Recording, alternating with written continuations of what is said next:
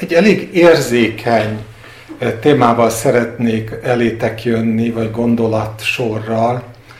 Azért érzékeny, mert nagyon gyakran úgy érzem, hogy csak egy hajszál választja el a rosszat ebben a, ezen a területen a jótól. Lehet, hogy nem sikerül eléggé világosan, körültekintően, érzékenyen fogalmazni, úgyhogy kérlek előre is, hogy bocsássatok meg azért, és az ezt követő beszélgetésben viszont szabadon fogalmazzátok meg akár a föntartásokat, akár az, ami, amire úgy látjátok, hogy nagyobb érzékenységet igényelne. No, ilyen e, talányos bevezetés után bármilyen különös, folytatni szeretném a királyok sorozatot, és Ezékiás életének a harmadik részével foglalkoznék, de megint csak nem tudom véletlennek tekinteni, hogy az, ami foglalkoztat, az szinte mindazzal összefüggésben van, amit az előző hetekben beszéltünk. Így például szeretnék kapcsolódni majd ahhoz, amiről István beszélt az elmúlt alkalommal, párról és a tövésről, e, az azt megelőző versek kapcsán, de összegészében azt látom, az a hitem, hogy Isten rendezte össze megint azt, hogy, hogy olyan esemény sort hozott létre, amiben mindannyiunknak valamit mondott, és ezek aztán utána egy egységes képet tudnak megfogalmazni. Ezékiás életét ott hagytuk abba, amikor az asszír sereg bevenni igyekszik Jeruzsálemet, és talán az utolsó gondolat, amit megosztottam, az az volt, hogy Ezékiás teljes kiszolgáltatottságban bemegy a templomba, az Úr elé veti magát, és kitárja előtte a királynak a levelét, és Isten segítségéért folyamodik. A folytatást azt gondolom mindenki ismeri, és éppen ezért nem is ezzel folytatnám én a magam részéről. Megsegíti őket Isten, aznap éjjel meghal 185 ezer ember az asszír táborban, ők pedig elvonulnak, és nem sokkal később pedig meghal a vezető, a király. Ezékiás ott marad, és csodájára jár az akkor környéken lévő összes birodalom és király jó kívánságokkal halmozzák el, mert hogy megszabadította Istent.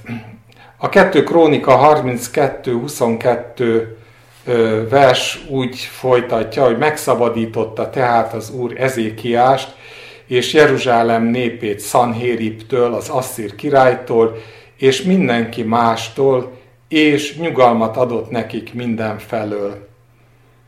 Sokan hoztak azért ajándékokat Jeruzsálembe az Úrnak, és drágaságokat Ezékiásnak, Júda királyának, és nagy tekintélye lett minden nép előtt. Az első gondolatnak valahol itt van a vége, és érzékeljük talán a pólusokat. Van egyszer egy király, aki Istennel jár, egy szívbeli magatartását tekintve kitárulkozó segítséget hitben Istentől váró király, akinek Isten meg is adja mindezt, ami, amire vágyik, és a következmény az viszont egy olyan következmény, ami nem csupán az Istenről szól, hanem egy kicsit talán őróla is szól, hiszen az az, az az eredmény, hogy nagy tekintélye lett minden nép előtt. Most szeretnék néhány szóban én is imádkozni. Uram, köszönjük az igédet.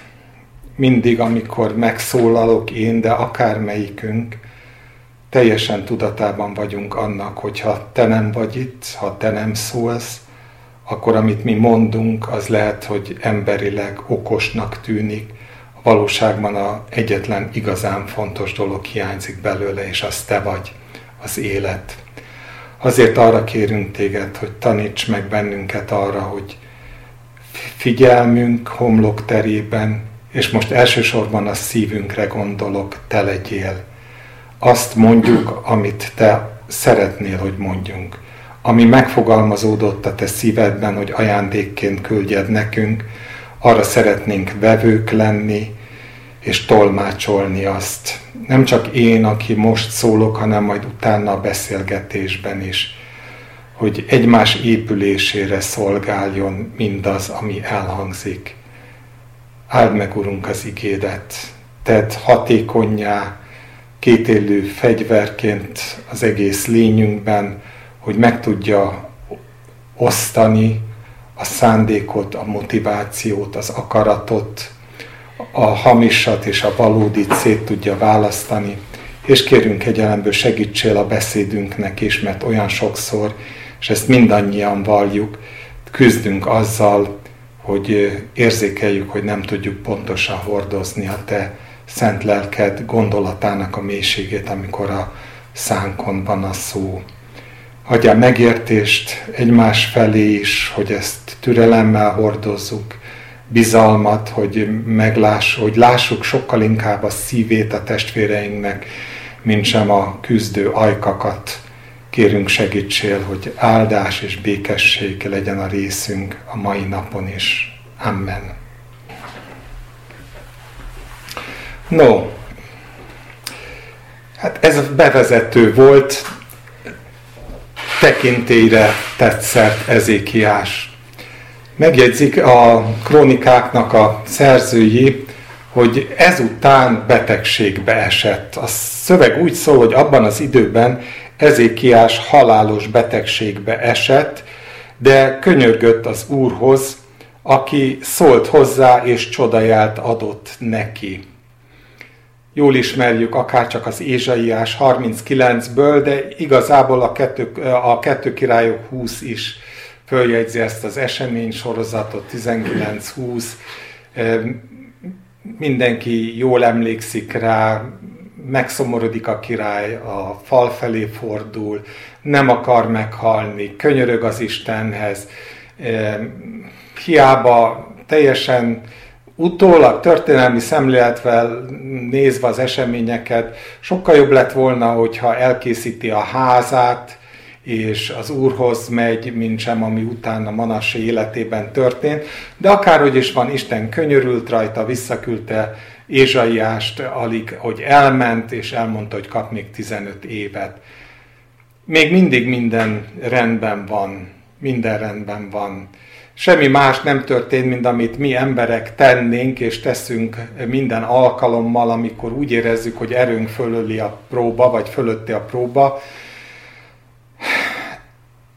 erőt vesz rajtunk a pánik, aggódni kezdünk, és Istenhez fordulunk, és Isten pedig olyan mérhetetlenül kegyelmes, és annyira jó hozzánk, hogy megérti valóban mielőtt még a szánkon lenne a szó a könyörgést, és hát, hagyj fejezem ki mai nyelven, olyan mérhetetlenül szabad, és annyira nagyvonalú, hogy, hogy nem azt kereső, hogy hol lehetne a leginkább rosszat tenni velünk, vagy olyat, amit mi rossznak találunk, hanem megadja a szívünk kérését. Gyönyörködjél az Úrban, és megadja neked a te szíved kéréseit. Hát ez az, amit ő is megtapasztalt. Annál furcsább, hogy a következő gondolat a krónika írónak az nem ezt húzza alá. A következő mondat azt mondja, hogy azonban nem volt hálás Ezékiás az iránta tanúsított jótéteményért, és felfuvalkodott magában. És ezért Isten haragja sújtotta őt és Júdát és Jeruzsálemet.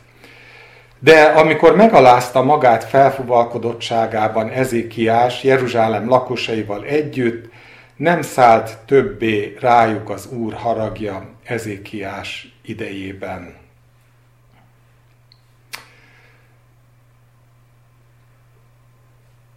Teljesen jól elkülöníti egymástól az íge a mi emberi lényünk kettősségét.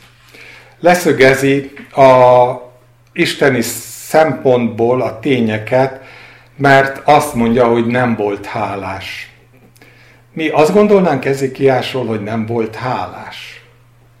Nem gondolom, hogy ezt gondolnánk, vagy még kevésbé gondolom, hogy a Ezekiás összéletét tekintve ezek a, a fő benyomásaink, hogy Ezékiás egy hálátlan ember lett volna. De Isten ennek minősítette őt ebben az időben, és elmondja azt is, hogy miért. Elmondja azt, hogy azért, mert felfuvalkodott magában. A felfuvalkodás legtöbbször valami olyan dolog, ami nem látványos.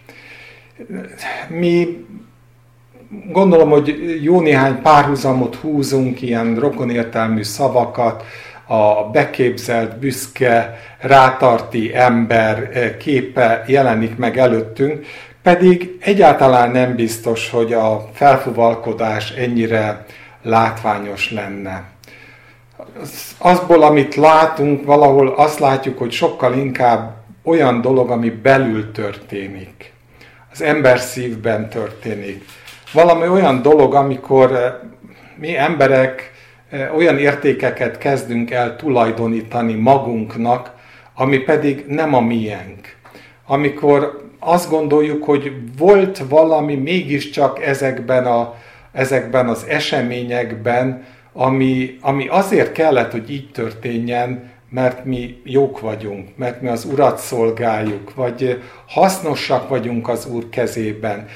Azért történnek a dolgok úgy, ahogy történnek, mert, mert bizony jó szolgái vagyunk, érdemes velünk kezdenie, érdemes minket harcra fognia és, és, és, és szolgálatba állítani, mert nélkülözhetetlen a szolgálatunk. Gondolom egyikötök se gondol, mondaná azt, hogy ez így van, de azért ez az első kérdésem, amit szerintem érdemes lenne majd megbeszélni utána, hogy vajon nem érint meg bennünket a szele a szívünkben, a magunkban való fölfuvalkodásnak, amikor úgy látjuk, hogy nem véletlenül vagyunk áldottak, nem véletlenül gyógyított meg az Isten. Valami célja még biztosan van bele, még el is hangzik sokszor a hívő emberek körében is, hogy biztos valami célja volt az Úrnak még velünk, amiért életben hagyott, vagy megmentett bennünket. Baj ez? Azt gondolom, hogy nem abból a szempontból, hogy igen, Isten mindig van célja, akkor is, amikor meghagyja az életet, meg olyankor is, amikor azt mondja, hogy készítsd el a házadat, mert magamhoz akarlak venni. Célja minden esetben van. De hogy nekünk kellene é, hogy tudatosuljanak bennünk a, ezek a célok, vagy sem, az egy egészen más kérdés. Hogyha a reflektorfényben már nem az kerül a mi számunkra, hogy az pedig az örök élet, hogy megismerjenek téged, hanem egy picit is áthelyeződik a hangsúly, és arra gondolunk, hogy az pedig az örök élet, hogy megismerjenek téged általunk, akkor könnyen lehet, hogy elindultunk azon az úton, amiben a szívünk úgy ítéli meg, hogy mi nélkülözhetetlen eszközei vagyunk az Istennek, még akkor is, hogyha persze a szánkkal ezt nem mondjuk ki, mert jól nevelt hívő emberek vagyunk, akik mindig az Istennek adják a dicsőséget szájukkal. Mit látunk Ezékiásnál? Ezékiásról a kettő királyok írja azt, és megvilágítja a krónikásnak a negatív értékelését, hogy ebben az időben Meródak Baladán, a babiloniai királynak fia levelet és ajándékokat küldött Ezékiásnak, mert meghallotta, hogy beteg volt. Tulajdonképpen csodájára jártak, és Babilónia is elkezd puhatolózni, hogy egy ilyen hatalom, amelyik ellenállt az asszíroknak, sőt a királya csodás módon meggyógyult, ez vajon milyen módon tudná babilóniai érdekeket szolgálni. Szóval elment. Ezékiás meghallgatta őket, és megmutatta nekik egész kincses tárát. Az ezüstöt, az aranyat, a fűszeres balzsamot, a drága kenetet, fegyvertárát, és mindent, ami csak található volt a kincstáraiban, Nem volt semmi a házában és az egész birodalmában, amit meg nem mutatott volna. Ekkor Ézsaiás próféta elment Ezékiás királyhoz, és megkérdezte tőle, mit mondtak ezek a férfiak, és honnan jöttek hozzád? Ezékiás így felelt, messze földről, Babilóniából jöttek. Ő megkérdezte, mit láttak a házadban? Ezékiás így felelt, mindent láttak, ami csak házamban van, és semmi sincs kincstáramban, amit meg nem mutattam volna nekik. Akkor azt mondta Ézsaiás Ezékiásnak, halld meg az Úr beszédét, íme eljön az idő, amikor mindazt, ami házadban van, és amit mindmáig gyűjtöttek atyáid, elviszik Babilóniába, és semmi sem marad meg. Persze ezt a részt is ismerjük. Valószínűleg több Bibliában fönt ott van a rész elején egy-egy konklúzió is, hogy mit kell ebből kihámoznunk. És azok persze azt gondolom, hogy igazak önmagukban. De szeretném, hogyha egy picit egy, egy, egy más nézőpontból látnánk ezeket az eseményeket. Az egyik, ami nekem föltűnik, az az, hogy Ezékiás csak a kérdések felét válaszolja meg. Ézsaiás elmegy hozzá, és az első kérdés a mit mondtak ezek a férfiak, amire a Biblia nem tartalmazza a választ. Úgy vagyok, mint a régészeti kutatásoknál, hogy jól tudom, hogy a hallgatásból nem lehet következtetéseket levonni, vagy legalábbis e, valós, igaz, bizonyítható következtetéseket nehéz levonni. De néha a Bibliában különösen azt látom, hogy a hallgatás az is egyfajta állásfoglalás. Nagyon gyakran a szívnek az állásfoglalása. Amikor hallgat az ember, akkor, akkor valamiről nem akar beszámolni. Arra a kérdésre, hogy ki volt az, és, és, és nem válaszol senki, az leginkább azt leplezi, hogy nem akarják elmondani. Nem tudom, mit mondtak azok a férfiak Ezékiásnak, de azokból a szövegkörnyezetből, amit előtte olvastunk, igencsak úgy tűnik, hogy nem az urat emelték ki, hanem Ezékiást méltatták. A birodalmat méltatták, az ellenállást méltatták, dolgokat méltattak, ami a felszín, és ami nem az Istennek a dicsősége, hanem, hanem Ezékiásnak a dicsősége, a hízelgés, vagy az ő megkenése, amit lehet, hogy nem utasított vissza. Az is valószínű, hogy most túlmegyek a következtetésekben, de mivel nem Ezékiásról van szó, hanem rólunk van szó alapvetően, ezért gondoltam azt, hogy érdemes ezen elgondolkodni, hogy, a szív felfuvalkodottságának nem az az egyik mértéke, amikor, amikor az emberek nem az Istent látják meg, hanem minket látnak, amikor mi pedig egyfajta tehetetlenséggel tudomásul vesszük, hogy hát ez így jól van, elég, ha én a szívemben hálát adok az Úrnak. És közben eszembe jut óhatatlanul a Máté evangéliuma, ahol Jézus egész világosan megfogalmazza azt a isteni elvárást, hogy úgy fényeskedjék a világosságotok az emberek előtt. Hogy amikor látják mindazt, amit ti tesztek, vagy ahogyan az Isten tesz veletek, akkor az nem önmagatokra mutasson, hanem mutasson az Istenre, úgy fényeskedjék, hogy dicsőítsék a ti mennyei atyátokat. Ami ennél kevesebb vagy kisebb, az érthető, hogyha mi szívesen hallgatunk róla, mert egyfajta fülöncsípés, hogy nem jól világoskodunk, nem feltétlenül jól világoskodunk.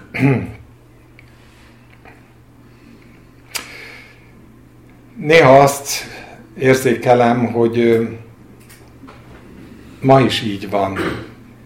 Vagy legtöbbször ezt érzékelem, megint valami olyasmit látok, ami, ami nagyon a mélyen van, a szívben van, és nem véletlenül imádban is azt fogalmaztam meg, hogy Isten igéje hason el, hogy megítélhesse a szívünknek, a motivációinknak a mélységét és valóságát. Nem gondolom, hogy Ezékiás nem akart volna az Istenre mutatni. Csak nem tudott az Istenre mutatni, mert már a reflektorfénybe talán nem az Isten állt, hanem önmaga állt önmaga számára. Nem érzitek, hogy sokszor mi is itt vagyunk, vagy így vagyunk, hogyha ha a reflektorfénybe a velünk történtek, legyenek azok nagyon jók, nagyon áldásosak, ha azokat állítjuk a reflektorfénybe, és elfogadjuk azt, hogy az emberek észrevételezik ezeket a jó dolgokat, áldottnak tekintenek bennünket, azokért a jó dolgokért, amik körülvesznek bennünket, és mi ténylegesen el is fogadjuk, hogy ez a dolgok rendje, hogy értékelik az Isten mi életünkben adott áldásait, akkor elindulhatunk egy olyan irányba, ahol a szív felfuvalkodik és nélkülözhetetlenné nek érzi magát. Azt gondolom, hogy a hálás szív az alázatos tud maradni, és, és ez megmutatkozik abban, hogy nem az őt körülvevő áldásokra irányítja a figyelmet. Ilyen módon, amit Ezékiás tett, az igazából dicsekedés volt. Dicsekedett az őt ért áldásokkal. Nem tudom, hogy van más vele. Én sokszor fölteszem magamban ezt a kérdést, hogy hol van ebben a jó határ, hol van a jó mérce, hogyan tudok úgy bizonyságot tenni arról, hogy az Isten jó, hozzám is jó, megsegít, elhalmoz mindennel, hogy közben az emberek az, valóban az Istent lássák meg, és ne azt értékeljék, hogy íme milyen kiválasztott, kegyel bíró ember ez a valaki, akit Isten minden jóval elhalmoz. Szóval a felfogalkodott ember az az, az az az ember, aki a szíve mélyén többet gondol magáról, eh, mint ami a valóságban, és, és észrevétlenül ez áthajtja a dicsekedésnek a mezejére, és elkezd azokról a dolgokról beszélni, hogy milyen jó az Úr hozzám, mennyi mindent megtett értem, megtett velem, példát ad arról, hogy, hogy, hogy ilyen, olyan, amolyan előmenetelem volt, áldásom volt, megnyertem 5, 10, 15, 20 lelket az Úrnak, gyülekezetek formálódtak, 1, 2, 5, 10, és mindegyikben persze természetesen az Úr a dicsőség, és azt sem mondom, hogy mindig ott volna a de, mert nem, nem kell, hogy ott legyen a de, de és ez valódi, de, de a saját életemben azért azt érzem, hogy erős a késztetés, hogy az ember azért oda tegye önmagát e, mérceként, hogy, hogy íme Isten jóságát bizonyítja mindaz, ami velem és körülöttem történt. no, Hát nagy a különbség. Nem tudom, emlékeztek-e rá, alig néhány hete, és ez hat részsel volt korábban, beszéltünk Uzziás királyról, és Uzziás királynak az volt az ez egyik e, csapda az életében, amikor ő is sok áldásban részesedett Istentől, és eljött az a pont, amikor úgy gondolta, hogy ő többre hivatott, talán éppen az áldások okán, többre hivatott annál, mint sem, hogy csupán a király szerepkörét töltse be, és bemegy a templomba, és, és a Biblia úgy írja, hogy mikor pedig megerősödött, ő is felfuvalkodott a maga vesztére, és védkezett az Úr, az ő Istene ellen, bement az Úr templomába, hogy a füstölő oltáron tömjénezzen, és a végeredmény bélpoklos lett. A felszínen nem tett rosszat, visszautalok rá. Ő csupán szerette volna kibővíteni a hatáskörét, a szerepkörét, és azóta is az egyik legnagyobb kísértés az ember részére, akit áldás övez, vagy az áldások vesznek körül, hogy úgy értékeli, hogy ez nem véletlen dolog, és, és elégséges ok arra, hogy kiterjessze a hatókörét, és messzebbre terjeszkedjen. Természetesen az Úr dicsőségére, meg végül is erre hívott el bennünket az Isten, hogy terjeszkedjünk egyre messzebb, és vigyük el az evangéliumot a világ végére. Szóval nagyon sok minden érvet föl tudunk sorolni akkor, amikor erről beszélünk, és talán nem veszük észre, hogy mindez a felfogalkodottság irányába hajt bennünket, hiszen Isten nélkülünk is tökéletesen jól megvan, Istennek nem egyikünkre vagy másikunkra van abban az értelemben szüksége, hogyha mi nem lennénk, akkor, akkor sérülne az Isten országának a terjedése. Isten országa terjed akkor is. Úgyhogy a felfogalkodottság az, ami a szívben jön létre, ugye Ezékiásról ezt mondja, hogy magában, ott bent jön létre, az megnyilvánul a dicsekvésben, és ez a dicsekvés lehet nyílt és lehet burkolt dicsekvés. A nyílt dicsekvés talán inkább a világi embereknek a sajátossága, a burkolt dicsekvés meg inkább a hívő embereknek a kísértése. A nyílt dicsekvése talán az egyik legjobb példa az, ahogyan Nabukodonozor dicsekszik, miközben igen, tagadhatatlan, hogy betöltött egy olyan szerepköret, szerepkört, amiben Isten szolgája volt, az ítéletnek volt a szolgája.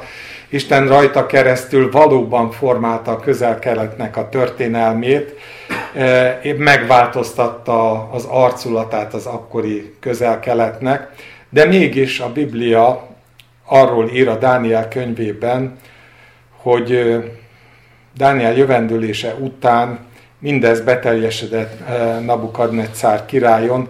12 hónap múlva, amikor a babiloni királyi palota tetején sétált, így szólt a király.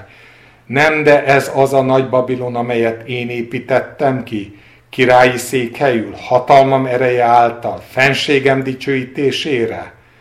Ez a nyílt dicső, de, de, dicsekvés. Még a szó a király szájában volt, amikor szózat szállt le az égből, Neked szól ez, ó Nabukodonozor király, a birodalom elvétetett tőled.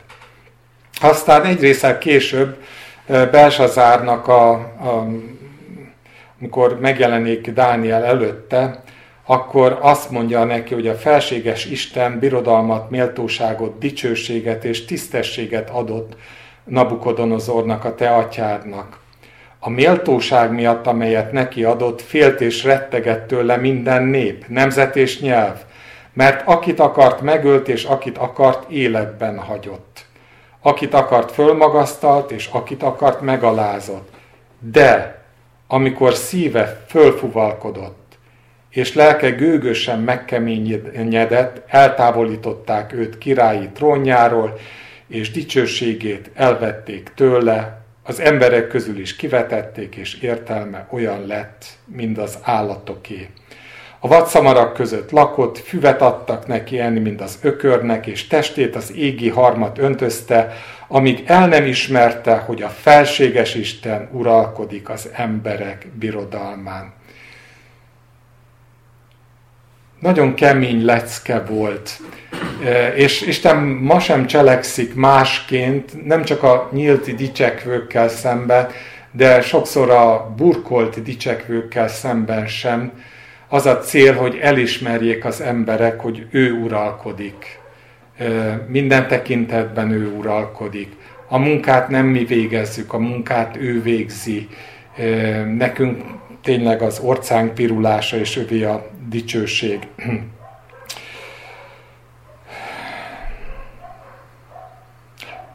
Valószínű, hogy nem véletlen, hogy Ezékiással kapcsolatban is két dolgot rendel egymáshoz az ige. Először beszámol az áldásokról, aztán utána leírja azt, hogy ezzel hogyan élt Ezékiás. Biblia nagyon részletesen, tehát tulajdonképpen alig van néhány király, akinél ennyire részletesen felsorolja mindazt az áldást, amit kapott. És nyilván nem véletlen, mert pontosan azt szeretné vele érzékeltetni, hogy ezek az Istentől jöttek, és nem önmaga termelte ki magának. Ezékiásnak igen nagy gazdagsága és dicsősége volt, és az ezüst, az arany, a drága kövek és drága fűszerek, pajzsok és mindenféle drága dolgok számára kincstárat készítetett magának. A gabona, a bor és az olajtermésnek raktárakat, és mindenféle állat számára istálókat, a nyájaknak pedig aklokat készítetett Városokat is építetett magának. Igen sok juhot és állatot is szerzett, mert Isten nagy gazdagságot adott neki. Isten adta. Ezékiás volt az, aki elzárta a Gihon vizének felső forrását, és Dávid városának nyugati részén vezette le azt, és megint elhangzik az a mondat, ami Ezékiás életének a sommázata. Ezékiás minden dolgában igen eredményes volt. Nem csoda, hogyha tiszteletet tettek nála a környező népek, fejedelmei, és, és az ördög pedig megásta azt a vermet, hogy ne, jó, ne éljen jól ezzel az áldással. Követek után arról ír az ige, hogy Ezékiás meghallgatta őket, és megmutatta nekik mindezt. Kincstárat, ezüstöt, aranyat, fűszeres balzsamot, drága kenetet, fegyvertárat, és mindent, ami csak található volt a kincstáraiban, nem volt semmi a házában, amit meg nem mutatott volna. Ez csak elismételem, hogy nem tudom. Nem tudom, hogy vajon szó esette Istenről vagy sem. De talán nem is az a kérdés, hogy ő szót ejtette Istenről vagy sem, hanem az, hogy mi jól gazdálkodunk-e a, a nekünk adott áldásokkal. A mi életünk vajon olyan-e, hogy a, elfogadjuk a dicsőséget, és, és szavainkkal ugyan az Ura mutatunk, de belül örülünk, hogy mi vagyunk ezek a kiváltságosok, vagy pedig tényleg úgy fényeskedik, hogy az emberek Istent ismerjék meg. Pálapostól mondja azt, hogy aki pedig dicsekszik, az Úrban dicsekedjék, mert nem az a kipróbált, aki magát ajánlja, vagy aki annak véli magát, mondom én, hanem az a kipróbált, akit az Úr ajánl. Ez a 2 Korintus 10, 17-18, de tulajdonképpen az 1 Korintus 28-ban is ezt mondja, hogy a világ nemtelenjeit és megvetetjeit választotta ki magának Isten, és a semmiket, hogy a valamiket megsemmisítse, hogy senki se dicsekedjék előtte. Azért állok meg egy percre, mert ezek megint olyan gondolatok vagy mondatok, amik, amik, amik szerintem elsikkadnak a mi életünkben. A bennünket körülvevő teljesítményorientált világ, és még azt szeretném mondani, hogy a keresztény világ is sokszor nem nagyon értékeli a világ nemtelenjeit, megvetetjeit, a semmiket, azokat az embereket, akik akik nem tűnnek annyira eredményesnek, mint amennyire eredményes volt Ezékiás, ahogyan az ige mondta, hogy minden dolgában igen eredményes volt. Hogyha te vagy én, vagy bármelyikünk nem tűnik ilyen eredményesnek, akkor hát ehhez nehezen társítják hozzá azt, hogy, hogy, hogy, hogy viszont alázatos, és Isten ugyanúgy tudja használni, mint aki eredményesnek tűnik. Azért választotta ki, hogy senki ne dicsekedjék ő előtte, de általa ti a Krisztus Jézusban vagytok, aki Istentől bölcsességül, igazságul, szentségül és váltságul lett nekünk, hogy amint megvan írva, aki dicsekszik, az Úrban dicsekedjen.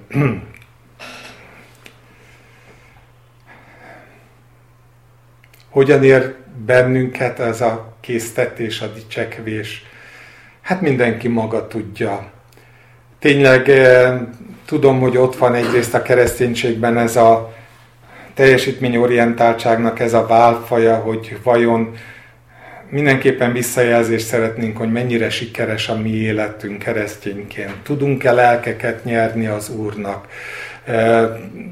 Tudunk-e segíteni és visszajelzést kapunk-e arra, hogy, hogy hasznos és eredményes volt a szolgálatunk. Nem, kellene, nem kell ehhez, hogy valaki gyülekezeti előjáró legyen, mert az gyülekezeti előjárók tényleg talán látványosabban szembenéznek ezzel a kísértéssel, hogy na és hányan vagytok, ez az első kérdés. Na és jók a dicséretek? Na és vannak fiatalok? No és hány gyülekezetet alapítottatok már?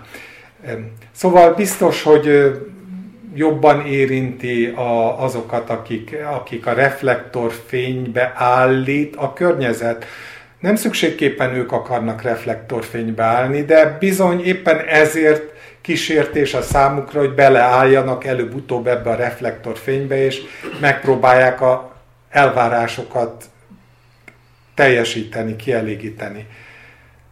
De azt hiszem, hogy az egyszerű emberek, vagy a nem ennyire reflektorfénybe álló emberek is folyamatosan szembenéznek ezzel, hiszen a, a, az identitásunk, hogyha nem a Krisztusban van csupán, hanem valami formában mégis e, csatolunk hozzá e, elvárásokat, akkor, akkor, akkor mindenki ki van ennek téve, hogy mennyire eredményes az élete. Annál érdekesebb, hogy Pálapostól, különösen a 2 Korintus 11-ben arról tesz bizonyságot, és itt fogok majd csatlakozni az Istvánnak a múlt heti mondani valójához, hogy nagyon-nagyon erősen képviselte azt az irányt, hogy ha dicsekszik, akkor ő a gyengeségekkel dicsekszik, az erőtlenséggel dicsekszik. Neki ez a fogalom, hogy dicsekedés, ez, ez nem fűződött a mások által elismert teljesítményhez. És most szeretném hangsúlyosan felolvasni ezt a néhány verset, mert nézzünk magunkba, hogy nekünk ilyen a lelkünk, mi ezzel dicsekszünk. Nekünk a dicsekvés az valójában valami hasonló módon a, a, a gyengeségekkel való dicsekvés. Azt mondja, mert hát sokan dicsekednek test szerint, így én is dicsekszem. Hiszen ti okosak lévén szívesen eltűritek az eszteleneket, mert eltűritek, ha valaki leigáz titeket, ha valaki kifoszt, ha valaki kihasznál, ha valaki hatalmaskodik rajtatok, ha valaki arcul üt titeket, nem hiszem, hogy ne pengetne meg bennünk húrokat, hogy ez milyen gyakran előfordul keresztény körökben is, és valóban, valóban az ember így van szocializálva, hogy ezt már-már normálisnak tekinti. Szóval szégyenkezve mondom, hogy mindenre mi erőtlenek voltunk. De ha valaki merész valamiben, ezt telenül szólok, merész vagyok én is. Héberek ők? Én is. Izraeliták? Én is. Ábrahám magva? Én is. Krisztus szolgái? Mert ez a fő kérdés. Balgatagul szólok én még inkább, hiszen többet fáradoztam, többször bebörtönöztek, többször megvertek, gyakran kerültem halálos veszedelembe. A zsidóktól ötször kaptam negyvenet egy híján, háromszor megveszőztek, egyszer megköveztek, háromszor hajótörést szenvedtem, éjjel-nappal hánykódva a tengeren. Gyakran voltam úton, veszedelemben, folyókon, veszedelemben, rablók között, veszedelemben, népem körében, veszedelemben, pogányok között, veszedelemben, városban, veszedelemben, pusztában, veszedelemben, tengeren, veszedelemben, hamis testvérek között, fáradtságban és vesződésben, gyakori virrasztásban, éjségben és szomjazásban, gyakori bőjtölésben, hidegben és mezítelenségekben. Mindezek mellett ott van naponkénti zaklatásom, az összes gyülekezetek gondja. Hát nem egy kívánatos pálya, hogyha ez a területe a dicsekedésnek, akkor át kell gondolnunk, hogy mi vajon, vajon miben dicsekszünk. Ki erőtlen, hogy én is erőtlen ne lennék? Ki botránkozik meg, hogy én is ne égnék? Damaszkuszban Arétász király helytartója őriztette a damaszkusziak városát, hogy elfogjanak engem, és az ablakon át kosárban eresztettek le a kőfalon, és megmenekültem a kezéből.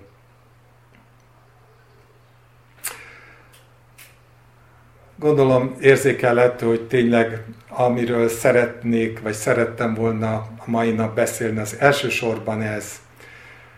Az, hogy ne engedjük meg, hogy felfúvalkodjon a szívünk. Oda bent, mert az ott bent történik meg. Hogy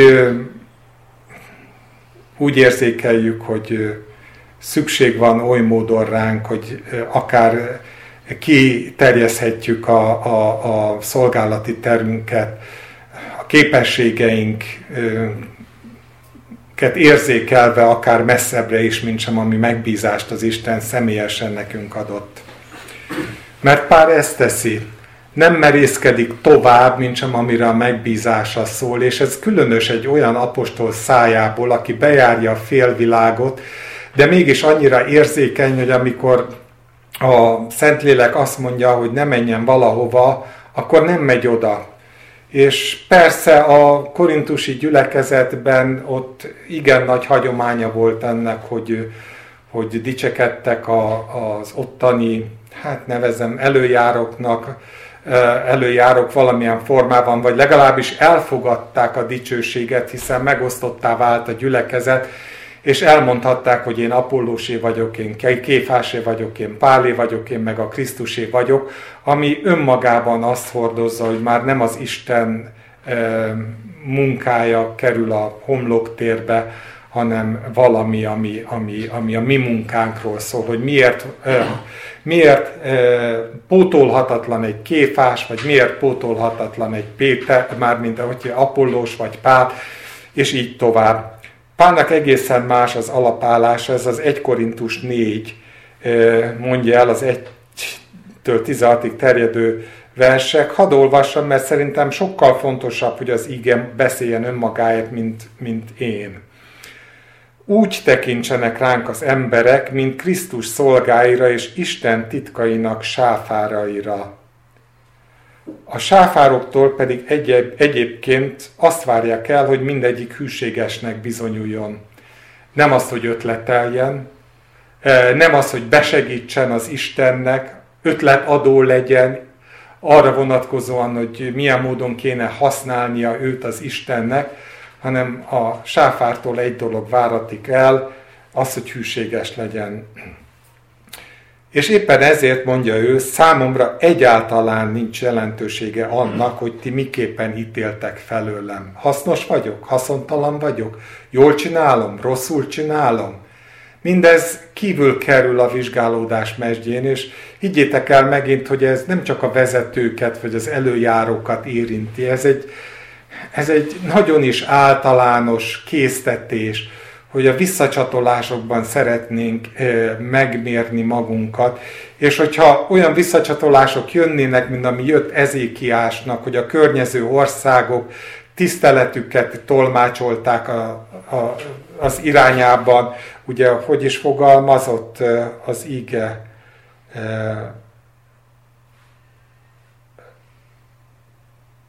Hát most nem találom azt az igét, de emlékeztek, hogy, hogy, hogy mindenki jött megsüvegelni és kifejezni a hódolatát, szóval ma is, hogyha ha, ha az ember a, arra tekint, hogy, hogy, hogy hogyan vélekednek az emberek, akkor észrevétlenül át tud menni abba az irányba, hogy a szíve eltorzul. Pál nem tette ezt. Számomra nincs jelentősége, hogy ti miképpen ítéltek felőlem, vagy hogy egy polgári bíróság hogyan teszi ezt, sőt, magam sem ítélem meg magamat. Sokszor, sokszor mondom, hogy ez, ez az egyik fő titok, hogy az ember ne analizáljon, hanem engedje, hogy Isten ítéljen. Én ugyan semmit sem tudok magam ellen felhozni, de ez még nem tesz igazzá, ugyanis az Úr az, aki megítél engem. Azért idő előtt semmit se ítéljetek, amíg el nem jő az Úr, aki világosságra hozza a sötétség titkait, és megjelenti a szívek szándékait, akkor mindenki Istentől kapja a dicséretet. Testvéreim, ezeket értetek alkalmaztam magamra és Apollósra, hogy rajtunk tanuljátok meg, ami írva van, senki se fuvalkodjék fel, kérkedve az egyikkel, a másik ellen. Mert ki tesz téged különbé? És itt van talán az egyik legfontosabb mondata ennek a résznek. Mit van, amit nem kaptál volna? Mi volt Ezékiásnak, amit nem úgy kapott volna? Ha pedig kaptad, miért dicsekszel, mintha nem kaptad volna?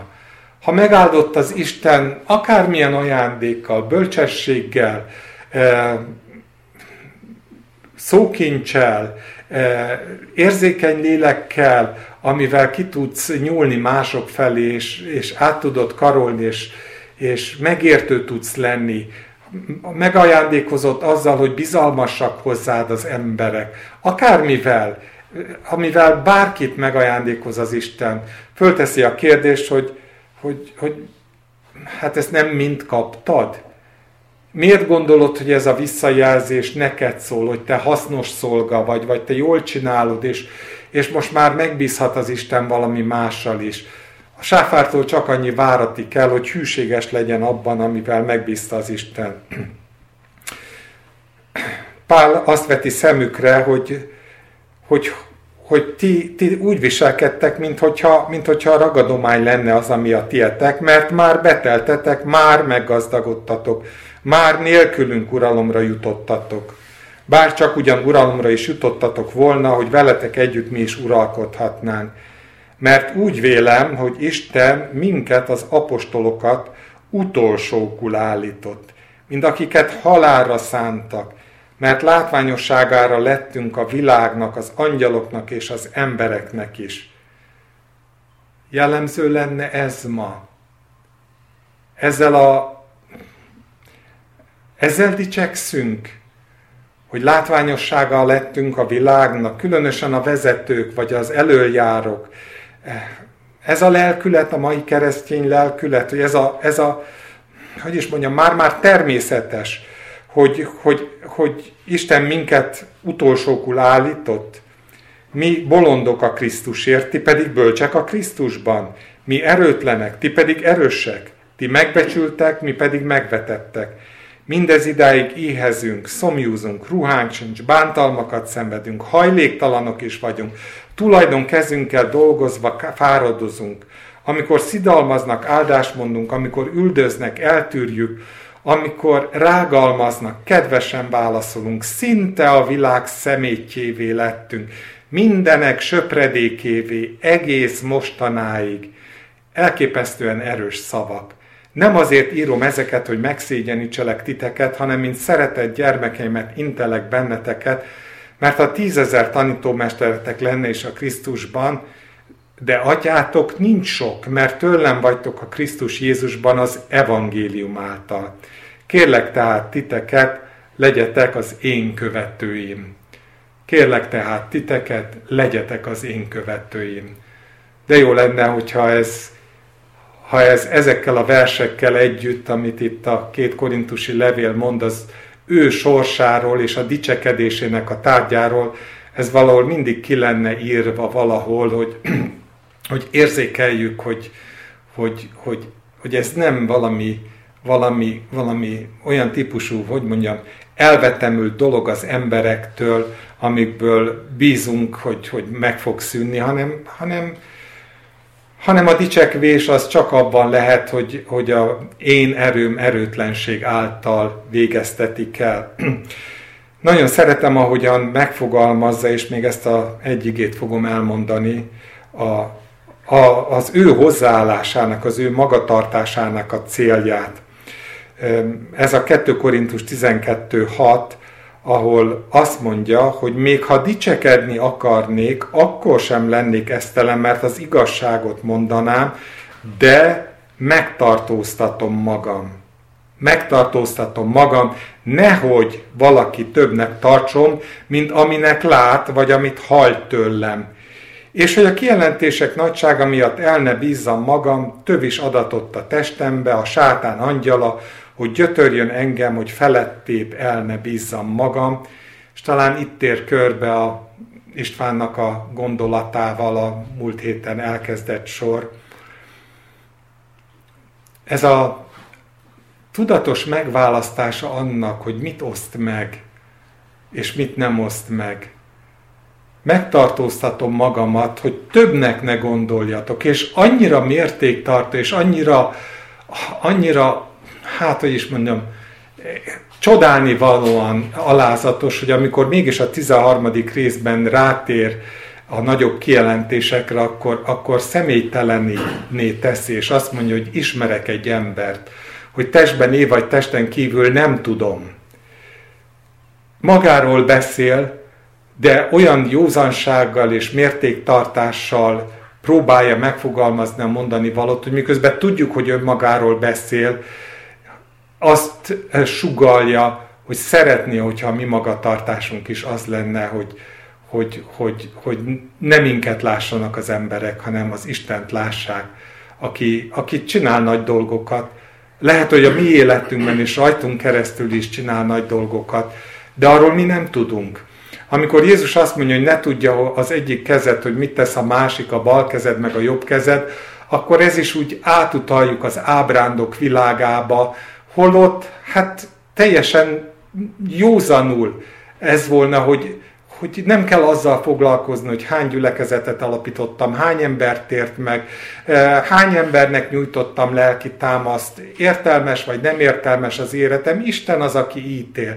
Minket megbízott a sáfársággal, és nem tudjuk, hogy illatozunk vagy nem illatozunk, a világ se tudja, csak egyszerűen illatozik. Aztán, amikor odaáll az ítélőszék elé, vagy amikor Jézus visszajövetelekkor szétválasztja a kecskéket meg a juhokat egymástól, akkor csak csodálkozik, hogy én nem tudtam, nem, én nem kerestem azt a visszacsatolást, hogy mivel éhezőknek enni adtam, és a többi, akkor, akkor én a tiéd vagyok. Én egyszerűen jó, én csak tettem a dolgomat. Hogyha ez jó sáfárság, akkor annál jobb. De azt majd Isten ott mutatja meg. Ami pedig azt illeti, hogy hogyan sáfárkodjunk, arra Pál azt mondja, hogy mert ha az evangéliumot hirdetem, azzal nincs mit dicsekednem. Mert belső kényszer hajt. Jaj, ugyanis nekem, ha az evangéliumot nem hirdetem, mert ha önként teszem ezt, jutalmam van, ha pedig nem önszántamból, akkor is sávársággal bíztak meg. Mi emberek úgy vagyunk vele, mind ahogyan Jézus testvérei voltak, amikor a, azt mondják Jézusnak, hogy miért nem mész föl az ünnepre, aki ismerté akar lenni, ha már egyszer ilyen hatalmas dolgokra képes, amilyenre te képes vagy, és ismert akar lenni, az menjen, kamatoztassa a képességeit. És Jézus nem megy. Nyilván nem tudom, hogyha nem mondanak ilyet a testvérek, akkor ment volna azonnal, vagy enélkül, de példáját adta annak, hogy nem. Hogy azt mondja, hogy a ti időtök mindenkor jelen van, az én időm még nincsen itt. És, és amikor elmennek, amikor a család elmegy, akkor megy csak utánuk, már-már érzékeltetve azt, hogy, hogy a, a feladatok, az elvégzése annyira tiszta kell, hogy legyen, hogy véletlenül sem lehet válasz egy olyan kihívásra, hogyha te ilyen dolgokat tudsz tenni, hát akkor miért nem mész? Akkor miért nem csinálsz többet? És most megint nem akarok eltévedni nagyon ezekre a területekre, amik ma a kúrens keresztény gondolatok, de nem vagyunk mentesek tőle hogy, hogy divatprédikátorokkal e, alátegyünk és, és biztassuk őket, és még el is mondjuk, hogy mennyi áldás van a munkájukon. Isten őrizzen attól, hogy ezt kritikával fogalmazzam meg. Egyszerűen azt szeretném érzékeltetni, hogy Isten nem akarja összekeverni az ő küldött, küldetését azzal az idővel, amikor az emberek azt gondolják, hogy most kell valamit az Istennek tenni. Nem véletlen, hogy Jézus arról beszél, hogy azt az időt és azt az órát, amikor ő visszajön, azt senki nem tudja, akármennyire próbálják kikurkászni, ember értelme nem fedezheti föl az értelmét, sőt, még a fiú sem tudja, hanem egy, csak az Isten tudja, hogy ne legyen semmi, ami, ami, amire az ember hivatkozhatna, hogy én előre kiszámítottam, vagy e, Isten nekem úgy jelentette meg, hogy én ezzel fölé tudnék kerekedni a másiknak. És ezzel visszaérkeztünk a sok évvel ezelőtti témánkhoz, hogy a felfuvalkodottság és a dicsekedés mögött is végeredményben az a nagyon egyszerű dolog áll, amit úgy fejeztünk ki, hogy pozicionálás. Hogy magunkat egy picit fölemelni. Lehet, hogy csak nagyon picit. Ez a nagyon pici lehet, hogy csak abban nyilvánul meg, hogy arról beszélek, hogy olyan jó, hogy az Isten ennyire megáldott, és elsorolom az Isten áldását, és ezért mondtam, hogy érzékeny a téma, mert lehet, hogy ebbe semmilyen hamis hang nem vegyül bele, de az is biztos, hogy bele vegyülhet az a hamis felhang, amelyik önmagamra irányítja a figyelmet, és körülbelül azt az érzetet kelti a hallgatóban, hogy nagyon jó az Úr hozzám, de nem véletlen, hogy nagyon jó az Úr hozzám, hiszen jól tudod használni.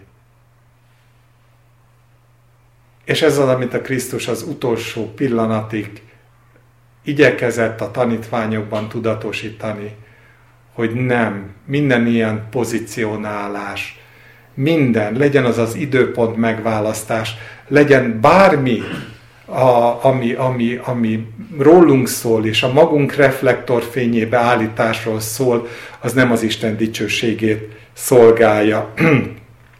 Minden ilyen esetben, amikor azt veszük észre, hogy az emberek emelni szeretnének, akkor az a volna természetes magatartás, ami Jézusé volt, a kikerülése ezeknek a kihívásoknak, vagy az, amit Pálapostól mondott, hogy megtartóztatom magamat, nehogy valaki többnek tartson, mint ami a valóságban Isten akar, hogy lássanak. Mert Isten nem azt akarja, hogy engem lássanak, hanem azt akarja, hogy őt lássák mindazok, akik kapcsolatba kerülnek az övével. szóval szívből kívánom, hogy Isten segítsen meg bennünket abban, hogy még az ilyen nagyon-nagyon érzékeny kérdésekben is, ahol a szív becsaphat bennünket, mert család a szív, még ezekben is tudjunk az Istenre figyelni, és, és élhessünk úgy, mint a virág, amelyik illatozik, és nem dicseke, ne dicsekedjünk se nyíltan, se burkoltan, se mások előtt, se csupán önmagunk előtt, hanem, hanem megmaradhassunk azok olyan alázatosnak, amelyik eh, aztán utána Isten dicsőségét szolgálja. Imádkozzunk! Uram, köszönöm a Te türelmedet, és köszönöm a testvéreim türelmét. Köszönöm, hogy most is abban a hitben fejezhetjük be az ige körül való együttlétet, hogy Te majd folytatod a szíveinkben a Te akaratod szerint. Sőt, köszönöm neked, hogy nincsen önmagában tökéletes, elégséges ismerettel rendelkező ember, hogy úgy rendezted el, hogy a te testedben mindannyiunknak rész szerint jelentetted ki magadat, hogy aztán amikor együtt vagyunk, és, és, és mindannyian kitárjuk a rész szerinti kijelentést és ismeretet, úgy együtt nyerhessünk mélyebb ismeretet felőled. Segíts, hogy alázatban maradhassunk, hogy az életünk olyan legyen, amelyik nem csak szavakban mutat rád, hanem jó illat, amely valóban érezteti azt az Istent, aki te vagy, aki szereted az embert, aki táplálod az embert, aki jó dolgot terveztél el az ember felől, hogy élete és legyen és bővölködjék benned. Áldunk a mai napért és az együttlétért. Kérünk, tartsd meg a gyülekezetet, az együttlét. Nem csak mai együttlétben, nem úgy összegészében. Mi is ki vagyunk téve a támadásnak. Nekünk is család tud lenni a szívünk, meg tud csalni bennünket. És szeretnénk, hogyha nem adnánk helyet az ördögnek, hanem hogyha az, amiért elhívtad a mi életünket, és ebben a közösségben rendeztél össze bennünket, ez a te dicsőségedre mutatna mindig, és mi háttérben maradva csupán örülnénk azzal, hogy hűségesen sáfárkodhatunk hallgass meg bennünket, kérünk, és, és maradjál velünk az Úr Jézus Krisztusért. Amen.